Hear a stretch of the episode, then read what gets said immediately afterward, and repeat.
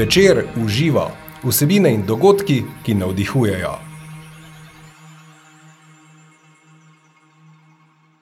Dobrodošli v novi epizodi podcasta Večer uživa. Tako je, leto se izteka, pred vrati pa žemenca novo. In če vas zanima, kako nam kaže, kakšno leto se nam obeta, potem ostanite v naši družbi. Tokrat bomo v 2022 pogledali skozi perspektivo Džotiša, indijske oziroma vedske astrologije. Z nami je namreč znan predavatelj in avtor številnih knjig o duhovnosti in osebni rasti, je tudi ustanovitelj Duhovne akademije, učitelj integralne meditacije in Džotiša. Dobrodošel, Adrian Kezele. Hvala vam lijepo na pozivu. E, jako mi je drago što možemo e, večeras pričati o tome. Tudi meni.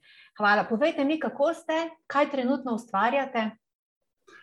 Pa hvala na pitanju, jako sam dobro. Upravo sam završio objavljivanje jedne uh, slatke male knjige, jednog romana priče iz ciklusa Ganišove priče. Uh-huh. Knjiga se zove Šitala Devi i posebno je zato što sam odlučio da bude besplatna, e, to je u elektroničkom obliku, evo, u zadnjih nekoliko dana preko 1500 skidanja je već imala, wow. evo, time se bavim u zadnje vrijeme kao neka vrsta poklona za uh, ove praznike i novu godinu, da možda malo razveselimo ljude, barem neke, koliko, koliko možemo. Ravno to sam hotela reči, to je pa zelo, zelo lepo praznično darilo z vaše strani. Hvala lijepo, da, evo, e, knjiga je jako zanimljiva, govori, mislim, zaokrenuta je u jedan mit, u priču, ne, ali govori o nekim jako zanimljivim stvarima kojih se možemo kasnije dotaknuti, jer su djelomice vezane za ovu aktualnu situaciju. Tako, no, ker, uh, ker smo že ravno pri darilih, pa pri koncu leta, pa že v vodu sem uh, namignila, pogovarjala se bova torej o letu 2022. Um, zdaj bom zelo tako nasplošno vprašala. Um, po, po Džotišu, kaj se nam v 22 obeta? Vsi si verjetno najbolj želimo, da bi se zdravstvena oziroma družbena politična situacija umirila. Ali lahko upamo na kaj takega? Oziroma, kaj se bo dogajalo? Pa, e, evo, kad ste već ovak općenito pitali, ja ću općenito odgovoriti pozitivno. Okay. Tako da počnemo sa pozitivnim e, nekakvim stavom. Međutim, e, to je dosta kompleksno pitanje. uh Prije svega bi volio reći ono što naglašavam stalno u svim pisanjima i nastupima vezano za Džotiš, yeah. da to nije predikcija, dakle da Džotiš nikad nije bio usmjeren u smislu da predvidite budućnost, uh jer je njegova osnova postavka da uvijek postoji nekakva interakcija između ponašanja ljudi i nekakvih tendencija vremena. Tako da u biti imate toliko mnogo varijabli da ne možete ne 100%, ne možete niti 80-90% predvidjeti, ali možete naznačiti u kom smjeru te vremenske tendencije e, idu. I to je jako, jako bitno razumjeti, jer ponekad ljudi očekuju, ajde, reci ti nama kakva će biti budućnost. Dakle, ja odmah kažem, ja to ne mogu reći, ali e, iz Džotiša se mogu učijati određene tendencije, dakle, da li će da li je vrijeme povoljno za uh, nekakve pozitivne stvari ili imamo neke opasnosti pred nama. uh I što se tiče 2022. godine i jedno i drugo je u pitanju, ali pretpostavljam da ćemo se na detalje vratiti kasnije. uh No, to, ste mi, zdaj, da, e, to sem vas imela na menu vprašati. Razlika med Džotišem, se pravi to vedsko oziroma indijsko astrologijo in zahodno astrologijo, če bi mogoče malo neke razlike lahko vzamemo oziroma neke poudarke, Da, da, možemo reći e, da pače, to je dosta bitno naglasiti. Ja. Postoji jedna uh, presudna tehnička razlika, uh a to je da se Džotiš uh, u biti oslanja na nešto što se zove sideralni zodijak. Sideralni zodijak je pravi zodijak onakav kakav ga vidimo na nebu, dok se zapadna astrologija oslanja na takozvani tropski zodijak, koji, ni, koji ne odgovara pravoj slici neba, nego počinje uvijek na prvi dan proljeća. Dakle, prvi dan proljeća je za zapadnu astrologiju nula stupnjeva ovna i onda s tog mjesta e, se dalje broji, dok recimo doista sunce nije u ovnu na prvi dan proljeća, ono je još debelo unatrag u ribama, zapravo uskoro za nekoliko desetak godina će biti u vodenjaku, a ne u ovnu.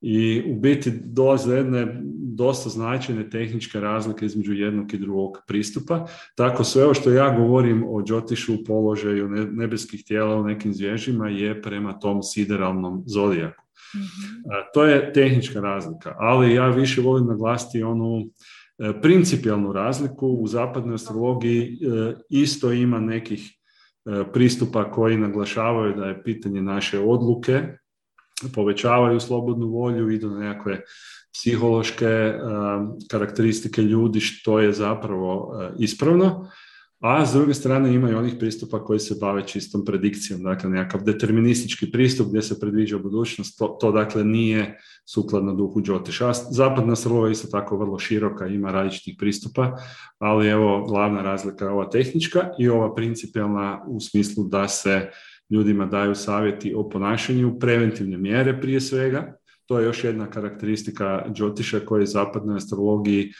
ili ima minimalno ili skoro da i nema, dok Džotiš ima jedno bogatstvo tih preventivnih mjera. Recimo ja uglavnom svake godine objavljujem jednu knjižicu, e, rokovnik e, kojeg trenutno nažalost nemam pored sebe, ali možemo ga staviti u video kasnije. To su putokazi za sljedeću godinu. Tako smo i sada i na hrvatskom i na slovenskom objavili putokaze 2022. To je jedan inspirativni rokovnik koji je zapravo pun preventivnih mjera. Nije, nije vezan za nekakva tumačenja, dakle unutra nećete naći tumačenja, ovo što ćemo sad mi pričati, mhm. nego ćete naći datume kad se mijenjaju ritmovi i što je najbolje napraviti u tom nekom trenutku. Dakle, primjerice, da li donirati za beskućnike, da li pomoći učenicima, da li za životinje. Dakle, te nekakve donacije, dobra dijela, isto tako određene postupke prema sebi kojim možete napraviti svoju kvalitetu života, a u skladu sa, sa prirodnim ritmovima. Dakle, moja opća preporuka čak i onima koji nemaju nikakve s astrologijom ili džotišom da se posluže tim rokovnikom, dakle putokazima 2022. jer su oni vrlo praktični i primjenjivi za sve ljude. mm No, zdaj govorite o teh, se pravi, da bistvena razlika je, oziroma poudarek um, Džotiša je na teh nekih predpostavkah, oziroma tudi na neki preventivi, ki, jih, ki jih je modro, se pravi, upoštevati. Uh, pa me zanima, zdaj, če se mi malo ozreva te dve leti nazaj, se pravi 2020, 2021. Uh, uh, povejte mi, so bile v, v Džotišu, oziroma v teh uh, napovedih, v tej karti je bilo zaznati. Um, oziroma kakšna upozorila so se uh, kazala, pa jih mi mogoče nismo upoštevali generalno ali kako? to, je, to je jako zanimljivo pitanje i tu zapravo evo, ja nemam problem da, uh, da priznam određenu nejasnoću u svojim analizama za prethodno razdoblje. Naime, ja sam, ja sam predvidio i upozorio na krizu uh, koja, je, koja se događa jedan put u stoljeće dakle veliku krizu koja će se dogoditi, međutim smjestio sam ju u 2019. Naime, to ako pogledate natrag moje analize koje su dostupne na internetu, dakle možete vidjeti, 2019. je bila po Đotišu naznačena kao godina u kojoj bi se tako nešto moglo dogoditi. Ja sam tada upozorao neke prirodne nepogode, ili tako neke stvari što bi se moglo povezati s ovim. Međutim, moja greška, evo koju ako mogu reći priznajem u ovom trenutku, je bila ta što sam se ograničio na kalendarsku godinu. I međutim, kad gledate razdoblja e, koja su bila, to je počelo je tamo negdje 2019. na proljeće i završavalo je 2020. na proljeće. Ne? Dakle, taman kad su ove stvari se počele događati. Međutim, kad sam ja gledao 2020. unaprijed, tada se još ništa nije vidjelo. Svijet je još bio po starom, jel? E, stvari su se gomilale iza, iza nas, mi to nismo znali, bila je određena cenzura informacijska i tek početkom 2020. smo mi punu krizu osjetili u tom kontekstu. Mhm. Dakle, ona je vidljiva i ona se vidjela, ali eto, moje tumačenje u tom trenutku je bilo malo drugčije. Ja uvijek volim biti pozitivan i također sam gledao te kalendarske godine, evo kao i sada gledamo 2022. ali prirodni ritmovi nisu po našem kalendaru, oni idu po nekom svom evo, tako ritmu. Ono što je bilo bitno u svemu tome da se dogodile tri za redom posebne situacije na nebu koje Džotiš zove kalasarpa, to je zmija vremena. I one inače nisu toliko rijetke, e, događaju se svakih možda 5-6 godina, ali sada se dogodilo da u roku od tri godine su se tri zaredale jedna za drugom. I ova kriza sa covidom je počela sa jednom, e, trajala je tokom druge i e, sad će opet biti pozitivan, završit će vjerojatno sa završetkom treće. A ta treća je počela prije četiri dana od trenutka kad to snimamo, dakle 16. 16.12. Yeah. i završit će 24.4.2022. Dakle, e, po astrološkim nekim pokazateljima tu, tu je još jedan dosta intenzivan krizni trenutak koji bi e, mogao svijet e, poprilično uzdrmati, ali nakon toga slijede pozitivnija vremena. Međutim, ta pozitivnost je uz opres zbog toga jer, kao što sam rekao, vi nikad ne znate što će ljudi napraviti, kako će se oni ponašati i također ovo je jako dugo trajalo, nastale su određene rane u ljudima i u društvu koje, bez obzira na virus, će malo teže zacijeliti. I to je zapravo glavni problem koji se sada, sada javio. Ali kažem, nakon, nakon četvrtog, odnosno da budem točni petog, to je kraj četvrtog mjeseca, stvari, barem što se tiče prirodnih ritmova i kozmičkih utjecaja, idu na bolje. mm Jaz sem zdaj, sem kar mravljince, mravljince sem bila, sem začutila zdaj ob tem, ko, sva, ko ste to povedali. Um, uh, sicer pa, no, rekli ste, uh, da, ste pač, da se upravičujete, ker ste drugače interpretirali eh, to napoved, oziroma, uh, ampak se končno je niste, če, če zdaj, ko ste razložili, se ste v bistvu enih, ene stvari, ki so se dogajale, že toliko prej niso do nas prišle. Ne? Pa da, to je, to je točno, ali e, činjenica je da sam ja 2020. E, zapravo gledao u jednom pozitivnom svjetlu yeah. i da sam smatrao da je, da je, budući da je glavnina, astrološki gledano, glavnina krize prošla, da smo se izvukli. Ne? Dakle, to je mhm. bila moja ideja, u, super, evo, vrhunac je prošao, mi smo se izvukli, a mhm. zapravo nas je ta kriza onako kako kako mi to kažemo, oplela repom. Ne? Znači, zahvatila nas je sa nekakvim stražnjim, stražnjim nogama svojim i gurnula nas ovo što je, što je bilo. Ali kad gledate, da, ja sam za 2019. Uh, eh, sam bio prilično uh, odlučen u tome da, da je svijet pred jednim uh, kriznim trenutkom koji će ga zauvijek promijeniti. Ali eto, to je zapravo treba, bila 2020. Jel? 2019. je prošla relativno bezbolno. Mm-hmm. Ja, seveda ni, ni še bilo teh informacij, eh, niso prišle do nas. Ne? Ja, um, ja, ali tada je počelo, 2019. Ja, se je ovo začelo se i, i to tako, je bilo to. Tako, tako da v bistvu to, to je bilo vse pravilno. No? Mislim, um, da. Da, da, hvala, hvala na. Ne, mislim, na res je to razumem, meni je to čisto logično.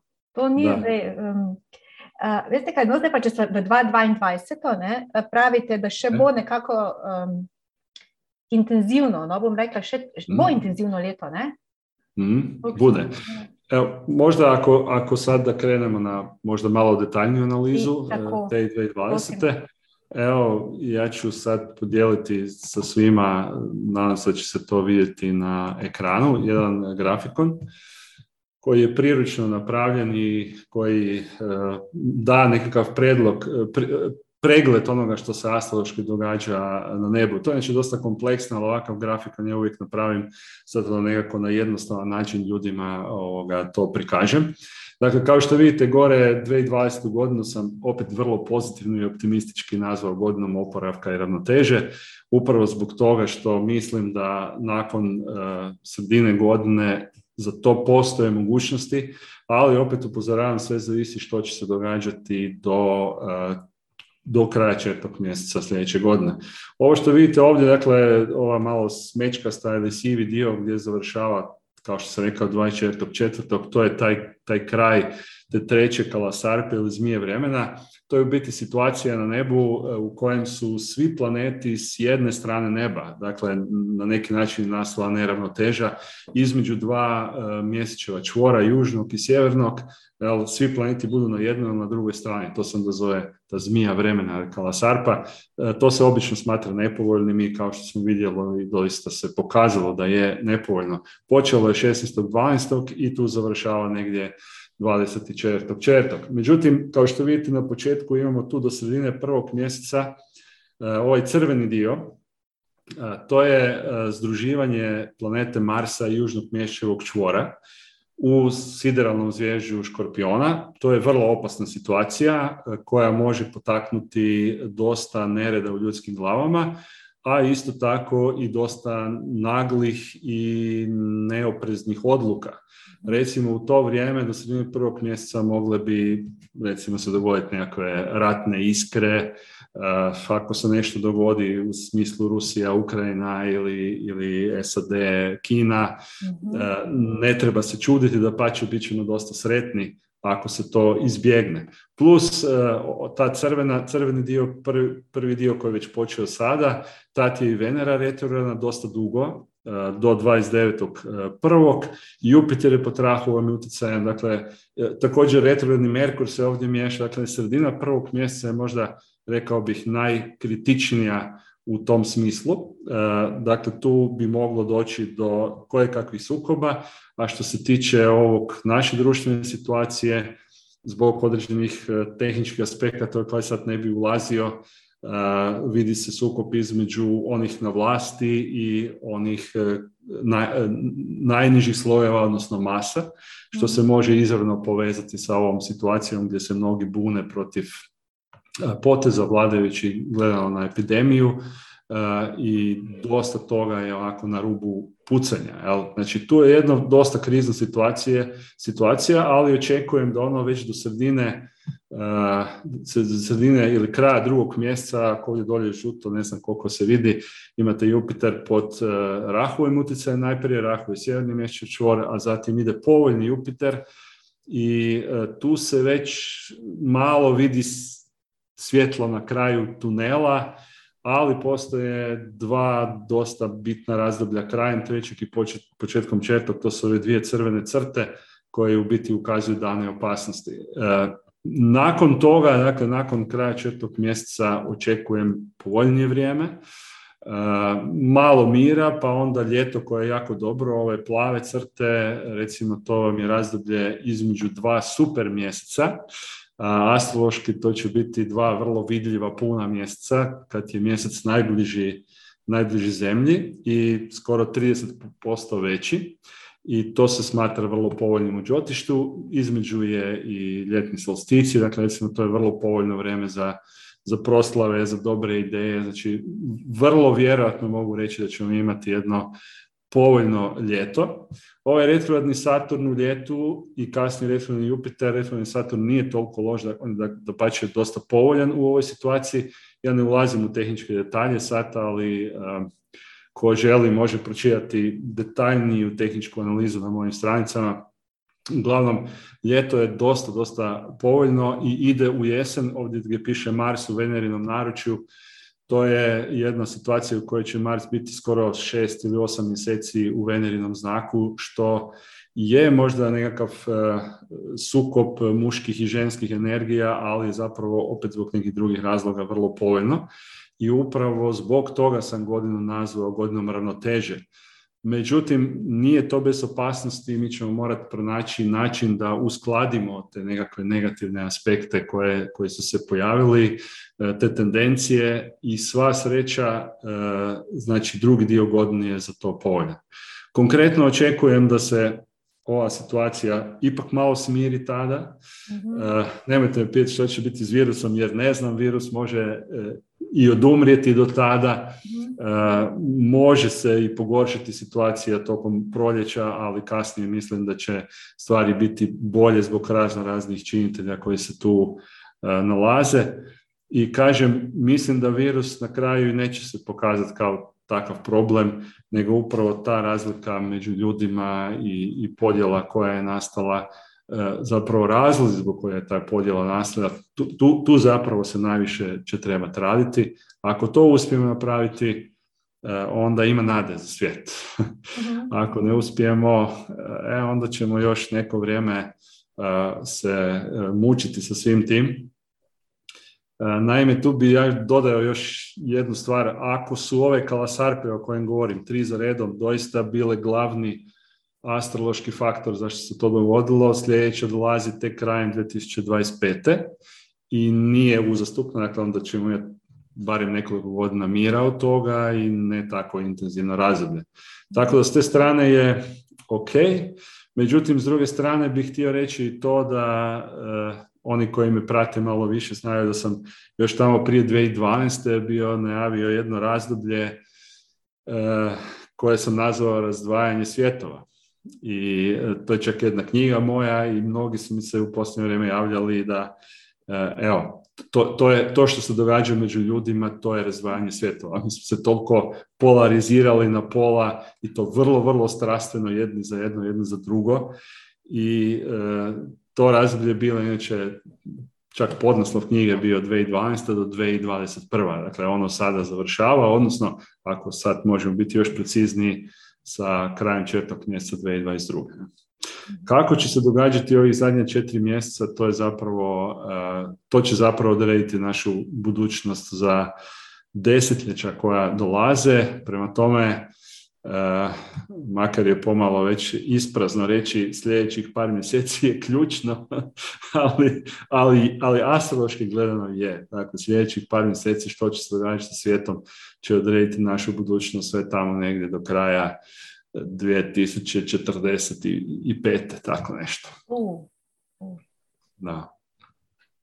Eto, to vam je, to vam je ukratko pregled tih događaja.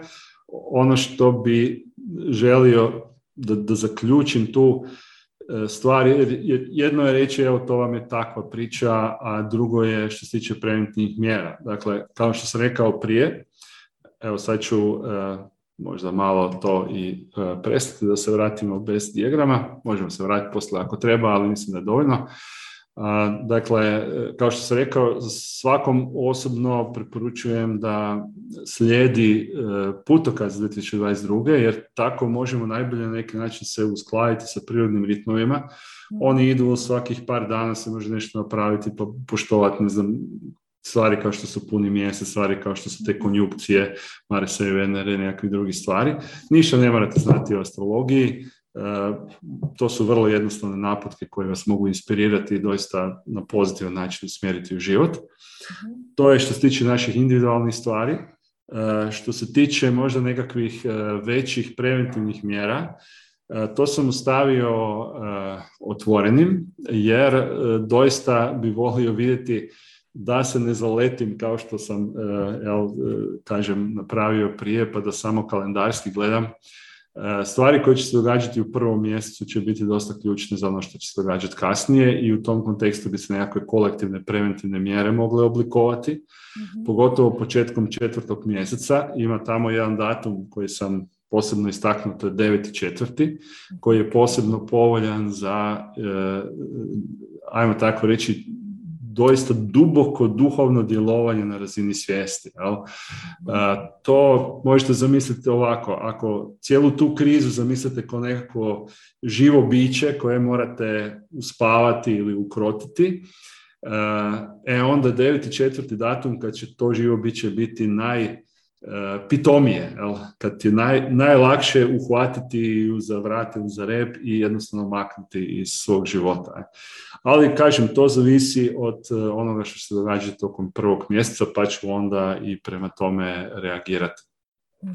A što se tiče e, preporuka svih, ima, postoje tri za sve, dakle postoje tri, tri stvari, tri, tri nekakva načela koja sam istaknuo još i prošle godine, i za koje mislim da nismo dovoljno naučili, a to su jedinstvo, empatija i znanje. Jedinstvo je nešto što e, zapravo tu su sad pojavile razne razne priče koje se često jel, zapravo radi strah i paniku ljudima dijeljenje na nas i njih. E, taj, taj dio bi trebalo nekako sami u sebi nekako posložiti. Svi smo u istom loncu, živimo u istom planetu.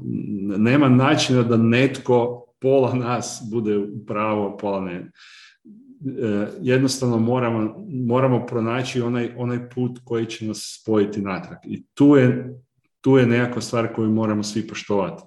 Druga stvar je empatija, koju mnogo ljudi danas ne, ne slijedi, razmišlja samo o sebi. I tu bi želio reći da je empatija neposredno iskustvo. Ona nikad nije iskalkulirano iskustvo. Nikad ne, nikad ne razmišljate što bi bilo kad bi bilo, nego jednostavno se ponašate tako da spašavate ljudske živote. I treća stvar je znanje koje je u ovoj krizi došlo, uh, došlo zapravo pod veliki upitnik.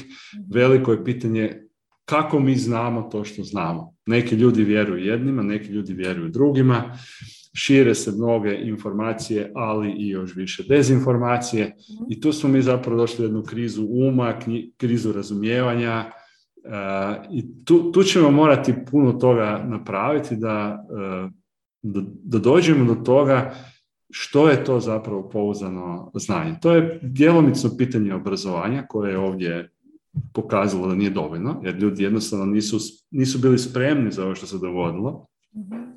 Ali isto tako je pitanje e, naših vlastit, vlastitog uma, dakle onoga da svako može prosuditi kad je nešto uh, i koliko je nešto pouzdano. A dok toga nema, to je isto jako, jako bitna stvar, dakle ako nismo sigurni uh, što je i kako je. Recimo, to je pitanje znanosti. Mnogi su se razočarali u znanost zato što, eto, nejasna je, ne, nemamo pravih informacija. Međutim, stvar je u tome da znanost uvijek bila takva. To je uvijek bilo tako. Uvijek je bilo jednog i drugog, uvijek je bilo nekakvih anomalija, uvijek je bilo istraživanja koje pokazuju da nije baš tako kao što većina misli. Dakle, to nije nikakva nova stvar. Međutim, ono što je postao problem je da se sad ta rasprava pretočila među ljude koji sa znanošću nema nikakve veze. Ne? Dakle, mi bi trebali ipak ostaviti to onima koji se time bave, Jel? I priče, ako nešto nije jasno, jednostavno pričekamo. Nije sad problem pričekat malo. Ne? I za to vrijeme se ponašati empatično, a to znači da zaštitimo jedni druge. Ne? Dok ne vidimo u čemu je stvar. Ne?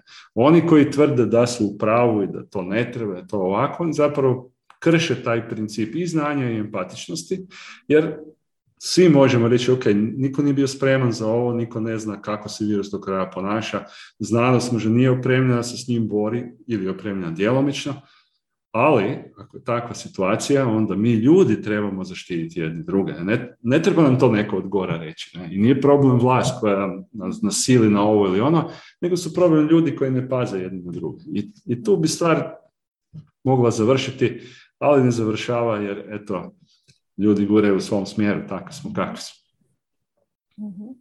Vse to ste mi že zdaj, tudi uh, sem imela še naslednje istočnice, zdaj ste mi krasno že vse odgovorili, kako se v bistvu pripravljati, no, na kak način um, ste mi dali te tri lepe korake, se pravi empatijo, enotnost in znanje. Um, se pravi, da bi to nekako lahko v drugi polovici leta, je to na preizkušnji ravno to, ne? Ja se iskreno nadam, ja se iskreno nadam i također se nadam da će smanjeni pritisak e, virusa u smislu manje bolesti i iz, iz razno raznih razloga da će, se, da će to omogućiti ljudima da malo stanu na loptu ne, i da se malo e, vratimo e, pravim istinskim ljudskim vrijednostima. Ali to će se dogoditi jedno ako mi razumijemo što se dogodilo sada i gdje smo pogriješili. Jer mhm. ako tu pouku ne savladamo, e, mislim, ovo se može dogoditi opet e, možda puno gore nego, nego sada. Ne? Znači, to je vjerojatno za to neki kažu vrlo velika, ali čak i da je mala, mhm. dogodit će se ponovo. I opet ćemo se rascijepiti i problem će biti još veći. Dakle, kao i u osobnom životu, kad vam se dogodi nešto loše, uh glavna stvar je da vi vidite da se zapitate zašto se to dogodilo, gdje sam pogrešio, što mogu učiniti da se drugi put to ne dogodi. Mhm. Dakle, tu, tu, tu, bi mi svi skupa trebali o tome razmišljati i pripremati se to razdoblje koje će sigurno doći gdje će ovo ostati iza nas i naravno svi će osjetiti olakšanje i opet ćemo se vratiti koliko toliko normalnom životu, mhm. ali ako nećemo savladati ovu podupu koja je, koja je sad tu prisutna, onda će se to ponoviti i, i drugi put će biti gore. Dakle, dosta je bitno da svi mi doista pogledamo u oči toj nemani koja nam se sad zadesila i vidimo gdje, gdje smo to povješili, što je sa znanjem, što je sa informacijama, što je, na primjer, sa društvenim mrežama. Gledajte, društvene mreže su e, nešto na što svijet nije bio e, pripremljen. Jednostavno, on je prošao ispod radara. Ne? Jedan put su algoritmi društvenih mreža koji su e, birali fascinantne, spektakularne stvari, raširili dezinformacije. Ne? I tu ne treba gledati da je to neko namjerno napravio. Nije, to je jednostavno ljudska stvar. Oni su htjeli klikove, a i ljudi hoće klikove. Ja ću reći svoj primjer. Ne? Ja napravim deset videa sa stvarima koje su jako interesantne i meni su dosta bitne istraživanje svijesti i tako dalje. I bude, ne znam, 500-600 gledanja, što je super, ne? Ali onda napravim video o kontroverznoj temi, na primjer o cijepljenju ili nečemu, i bude 20 tisuća. I onda ako vi monetizirate tu stvar, ne, čovjek gleda, pa dobro, idem ja raditi video samo o tome. Ne? I onda dobijete u biti puno više. I to, to je jednostavno priroda ljudi je takva da su uh, nekako sve skupa, od društvenih mreža, od svega što se dogodilo jer sve nas je gurnulo u tu situaciju polarizacije i mhm. širenja nepouzdanih informacija. Dakle, mi bi tu trebali naučiti, svaki čovjek bi trebao naučiti da stane, da kaže, ok, gledaj, ovo su bitne stvari, ne mogu dozvoliti da se šire takve stvari, nego ajmo polako, ajmo vidjeti što zapravo je, što nije, bez unaprijed donošenja nekakvih presuda, nego sagledati sve strane s jedne, dakle sve argumente koje god možemo. Ne? I stvari bi bile definitivno puno lakše nego sad. Jaz srčno upam, da bomo iz tega potegnili to, no? da, da je ta virus kot neke vrste higijena družbe, ne? tako pravijo za vojne. Tako je. To, to, to, to je 100% sigurno ja. tako. Ne? Ja. Samo je pitanje koliko ćemo mi naučiti iz toga. To je. Točno to. In to, to nenehno hrepenje po stari realnosti, pa se to nima smisla, da se, vrž, da se vrnemo v staro življenje, v stare tire. Ne? To si ljudje želijo. To ni. Ja, sam, ja, moja prva reakcija tamo je 2020, kada je to počelo, je, ja, je bila ja. ne, nemojte htjeti natrag, jer to kako je bilo staro, to nije bilo dobro. Ne? To, to. E, tu, je, tu su, ima jako puno problema e, što se tiče medicine. Dakle, uh medicina, službena medicina bi trebala ozbiljno pogledati ovo što se sad dogodilo, zašto su se ljudi pobunili protiv medicine, zašto su antimedicini, zašto su antiznanstveni. Nije to bez razloga. Ljudi su jednostavno vide te probleme. Mhm. Znači, da bi mi, ja sam 40 godina preporučam ljudima zdrav način života i pravilnu prehranu i sve to skupa i, i sasvim drugi jedan pristup e, zdravlju. Međutim, isto tako mi je jasno da u ovakvim situacijama vi ne možete računati na to. Ne? Mhm. Jer um, kad, kad vi gledate koliko, ljudi, koliko ljudima treba da se promijene, znači to su mjeseci i godine, i sad dobite krizu i životnu ugrozu, nema šanse da vi na taj način tu stvar promijenite. Dakle, tu suvremena medicina ima presudnu riječ, ona, ona tu zapravo pomaže. Ali generalno gledajući, ne, mi bi svi skupa trebali naučiti nešto o tome, i o sebi, i o zdravlju, i imunom sustavu. Dakle, to su prilike, to su prilike da saznamo, da uđemo dublje. Ne, to, ne samo ljudi, nego i stručnjaci koji bi trebali pogledati u oči ovome što se dogodilo. S druge strane, e, toplo predlažem svim ljudima da ne idu kontra suvremene znanosti, jer to je nazadnjaštvo, to, to, to nije dobra stvar.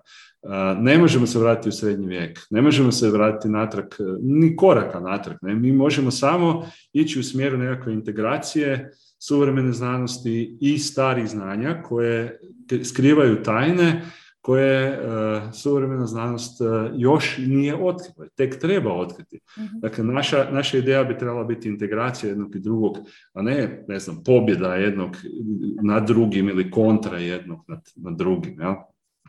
U tom kontekstu, ako se mogu vratiti na onu knjižicu Šitala Devi, to je jedna ovako vrlo uh, zanimljiva, zanimljiva priča koja donosi informacije vezane za ovaj, za ovaj aktualna prijepor oko, oko cijepiva. Ne? dakle, to će vjerojatno iznaditi mnoge, mnoge ljude. činjenica da su stari indici u okviru Ayurvede, koja je blisko povezana sa Džotišem, još prije sedam i pol tisuća godina, u vrijeme Mahabharate, a to opet znamo preko Džotiša, jer možemo preko astronomskih ritmova sagledati koje, o kojem dobu se radi. Dakle, oni su prije sedam i pol tisuća godina rješavali virus Masurike, to je njihov naziv za velike boginje, rješavali su to cijepljenje. Dakle, vjerovali ili ne, ajurvedski liječnici su prije 7,5 tisuća godina cijepili protiv velikih boginja. I tisućama godina su održavali velike boginje ko neku vrstu sezonske bolesti, a dok se Europa, recimo kad se raširila Europu i našla pred totalnim pokoljom, pred velikim boginjama. Dakle, cijepljenje nije suvremena stvar, nego su principi cijepljenja poznati u najprirodnijoj, najduhovnijoj tradiciji brige za zdravlje. Jel? E, to je zbog toga jer virus je posebna priča i on, on je e, u toj, u Šitala Devi donosi objašnjenje odakle virusi u smislu mitološke nekakve mitologije i objašnjava da virusi nisu stvorena stvorenja, nego su ostaci šivine kože. To je jako zanimljiva stvar. Dakle, kad se šiva prvi put oprao, jer Šiva se mitološki prikazuje kao e, osoba koja je prekrivena debelim slojem prašine. On je asketa, nikad se ne pere, on nije domaćin. Ali kad, se, kad ga je Parvati, to je njegova žena, supruga, natjerala da se opere, očisti, jel? onda su ti ostaci njegove kože postali nekakvi poludemoni. Jel? To su zapravo virusi. Da. I e, to je inače analogija sa jednim poznatim e, principima, odnosno poznatim činjenicama iz znanosti. Naime, virusi su se pojavili među ljudima onda kad smo prešli iz nomadskog načina života na sjedilački. Dakle, imate najstarije zapise o virusnim bolestima e, od početka neoleta, kad smo počeli živjeti na jednom mjestu, poljoprivredom se baviti, stočarstvom, onda su bliski kontakt sa životinjama, prelas virusa sa životinje ljude je poznato davno. Dakle, to je tad počelo i ta mitološka priča zapravo na jedan zgodan način, dakle, kad je šiva od pustinjaka i nekakvog jel, lutalice sjeo i smirio se na jednom mjestu, e onda su se virusi počeli širiti. I budući da su oni takvi, oni zapravo ne ovise toliko o našem e, imunom sustavu, što mnogi tvrde, jel? To funkcionira, to je, to je ok, ali snažan imun sustav vam nije garancija da vas virus neće ugroziti. Mhm. Što su ajurvedski e, vidi jako dobro znali, zato su i cijepili. To je informacija koju, kažem, jako malo ljudi zna, jer je nekako se u, u Britanci su zapravo preuzeli zaslugu za to još tamo Jennera koji je otkrio cijepio i tako dalje. A isto tako imamo e, situacije e, recimo u novom svijetu gdje su Inke, Astici, Maje, njih je tamo pomrlo skoro 80-90% ljudi. Cijeli narod je pomro zbog inače bezazlenih virusnih bolest, dakle viroza, koje evropljanima nisu značile ništa, a oni su toga pomrli. Imali su najsnažniji imunni sustav koji ste uopće mogli zamisliti na svijetu, ne, su živjeli prirodno. Ali nije pomoglo, zato što jednostavno virusi funkcioniraju drugačije. I kažem, to su ajurvedske medije znale, E sad, to je informacija koju ja ne tjeram nikoga ni na šta. Ja, ja bi samo htio da ljudi se počnu kretati znanju, ne nekim tvrdnjama i uvjerenjima koje evo, ovako ili onako, nego da se gledaju stvar u širini i mhm. da onda s te strane malo vide širu sliku unutar onoga što rade i što odlučuju, isto tako vezano za i medicinu i svoje vlastne postupke. Mhm. Wow, wow, Fajn, fajn je to slišati. Sicer res bi se ja. še malce zadržala, pa ne vem, kako torej virusi, pa reka, niso odvisni od, od, mislim, ne igra vloge tukaj imunski sistem, ali bi še to razvijala naprej, ali si za drugič pustiva, ne vem. Pa mogu ja kratko reći, makar neće široj publici to, to značiti puno. Dakle, postoji, e, postoji određena, određena metoda koju e, malo, jako malo ljudi zna čak i unutar Džotiša. uh Dakle, postoji određeni niz takozvanih sjenovitih planeta koje se zovu upagrahe u Džotišu. Aha, dakle, radi se, uh, radi se o sličnim planetima kao što su ovaj Rahu i Ketu, Južni Meći Švor. To nisu nebeska tijela, to su matematičke točke. Aha. I te upagrahe uh, su zapravo odgovorne za našu, ne, i za nastanak virusa, jer, pazite, svaki, astrološki gledano, svaki, svaki predmet u našoj stvarnosti ima određeno načelo astrološko koje stoji iza njega. Iza virusa stoje te upagrahe. Dakle, njih ima 11 inače. Dakle, to su matematičke točke koje se do, izračunaju se jednostavno. I e, kad, gled, to uspoređujete sa suvremenim spoznajima, radi se zapravo o genetskoj strukturi. Dakle, e, konkretno što to znači? To znači da će svaki čovjek na virus reagirati ne prema svojim ponašanju i ne prema svojim, ne znam, e, dobroj prehrani, kondiciji i mhm. tako dalje, nego prema genetskoj strukturi. Koja je to genetska struktura, znanstvenici tek trebaju otkriti, ali recimo u Džotišu se to gleda preko upagraha. Ja to ne mogu sad povezati sa e, time, ali recimo to je, to je sukladno s onim što vidimo oko sebe.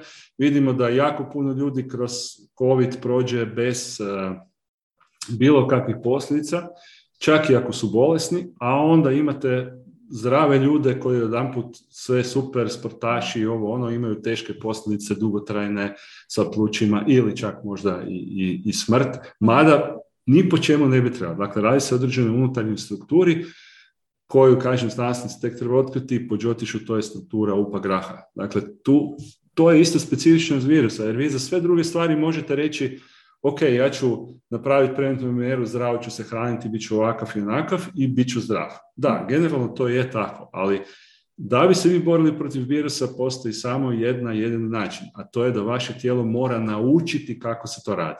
A to možete samo na dva načina. Jedan je da se susretnete s virusom, a mhm. tat ko živ, ko mrtav, ne, ćete preživjeti, nećete preživjeti, kako ćete vidjeti ko to zna. Dakle, tada, tada je vaše tijelo to naučilo.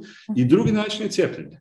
I mhm. to uh, neutraliziranim patogenom, dakle neutraliziranim uh, demonom, kako bi rekli ti mhm. stari, ne? oni su kompletni principi koje koriste današnja medicina se koristila tada i u Ayurvedi, dakle ne, ne od živog virusa, ne, ne od bolesnog čovjeka, nego od neutraliziranog na točno određeni način. Dakle, to je sukladno našim principima cijepljenja. Dakle, to, je, to, to su dva načina. Nema snažnog imunog sustava, odnosno ima, to je, to je pomaže, ali ako vaša genetska struktura takva, neće vam to pomoći. Mhm. I tu je, tu je taj problem da mi zapravo ne znamo tko će i kako reagirati na virus. Dakle, tu moramo jako, jako puno učiti. I mhm. ponavljam, dok učimo, treba biti pametan, oprezan, empatičan i štititi one koji bi mogli nastradati zbog svoje strukture, ni krivi ni dužni zapravo. Hvala, hvala za te podarke, močne, zelo pomembne, ključne, ključne. Ključne, Eto, Adrian. Nadam se, da će pomoći neki. Ja, sam slišate, treba, ne? Ja. Um, Zdaj, Adrian, kako pa se vi, recimo, eh, na, nam ste zdaj že svetovali, na kak način se lahko pripravimo in presežemo izzive v letu, ki prihaja. Kako se pa vi osebno pripravljate, recimo, imate kakšne posebne rituale ali vi že tega ne potrebujete več, ker ste že toliko? Ja, vas moram, moram v tej smeri vprašati. Pa ja nemam nekakve posebne rituale, ja sam kao i svaki drugi čovjek dio ovoga svijeta i, i on utječe na mene. Ono što ja radim redovno i što svima preporučam, to je redovna praksa, e, u mom slučaju integralne meditacije, dva puta dnevno, E, do desetak minuta, to je neka vrsta mentalne higijene, ali ne samo mentalne higijene koja vam omogućava da budete mirniji i staloženiji, nego vas zapravo dovodi u kontakt sa samim sobom, otvara vam vrata sasvim drugačijih i novih svjetova, drugačije stvarnosti koje vidite zbog toga Dakle, ja to radim već redovno 40 godina, svaki dan, dva puta dnevno i mislim da je to dovoljan ritual koji vas može pripremiti na što god, e, ovoga, mislim, ritual pod navodnicima, mhm. što god da je ispred vas.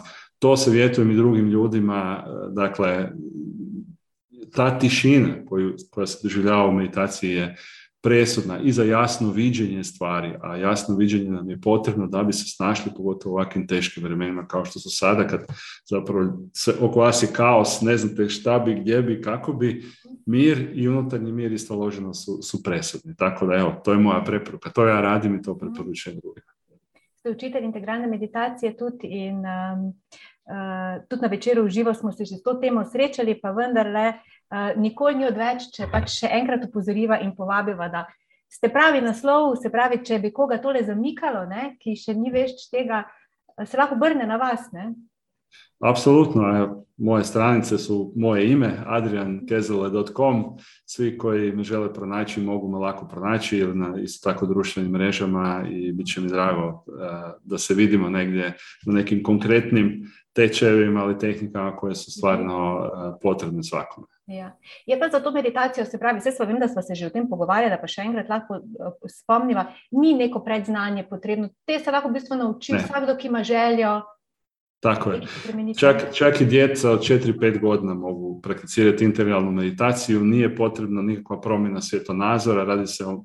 mentalnoj tehnici koja ne zahtjeva promjenu u načinu života, ne, nije bitno kakvog ste obrazovanja, nije bitno da li imate neko prethodno iskustvo, dakle čovjek potpuno bez ikakvog iskustva može doći i u roku od 2 do 3 dana, zavisno kako se tečaj organizira, naučiti tehniku jednostavnu, laganu, nekompliciranu, vrlo djelotvornu, koju možete prakticirati do kraja života, neovisno od mene, neovisno od bilo čega, dakle opremljeni ste za praksu do kraja života i uživate u tome. Dakle, to je najjednostavnija moguća stvar i doista svakome preporučujem. Krasno. Hvala. Hvala, Adrian. Zdaj, mogoče pa še ti za, za zaključek najnega pogovora, um, uživala. Uh, da je vaš mogoče ne vem, kako željo za leto 2022 našim poslušalcem, gledalcem in ne zadnje bravcem večera, Pa evo, u skladu s ovim što smo govorili, uh, svakome želim da što mirnije prođe kroz sljedećih uh, nemirnih nekoliko mjeseci. Želim da zadrže unutarnji mir i staloženost i prije svega da njeguju to, to jedinstvo, empatiju i vrijednost pouzdanog znanja. A naravno, uz to će ona doći i sreća i puno ljubavi, i puno svjetla E, nadajmo se da ćemo svi skupa doista kad za godinu dana pogledamo unatrag reći ok, najgore je iza nas. Evo. Hvala lepa, vse dobro in srečno. Hvala vam. Več informacij o podcastih in dogodkih večer uživo najdete na vecer.com poševnica uživo in na facebook strani večer uživo. Tudi tokrat sem bila z vami Maja Furman, srčno in srečno, dok malu.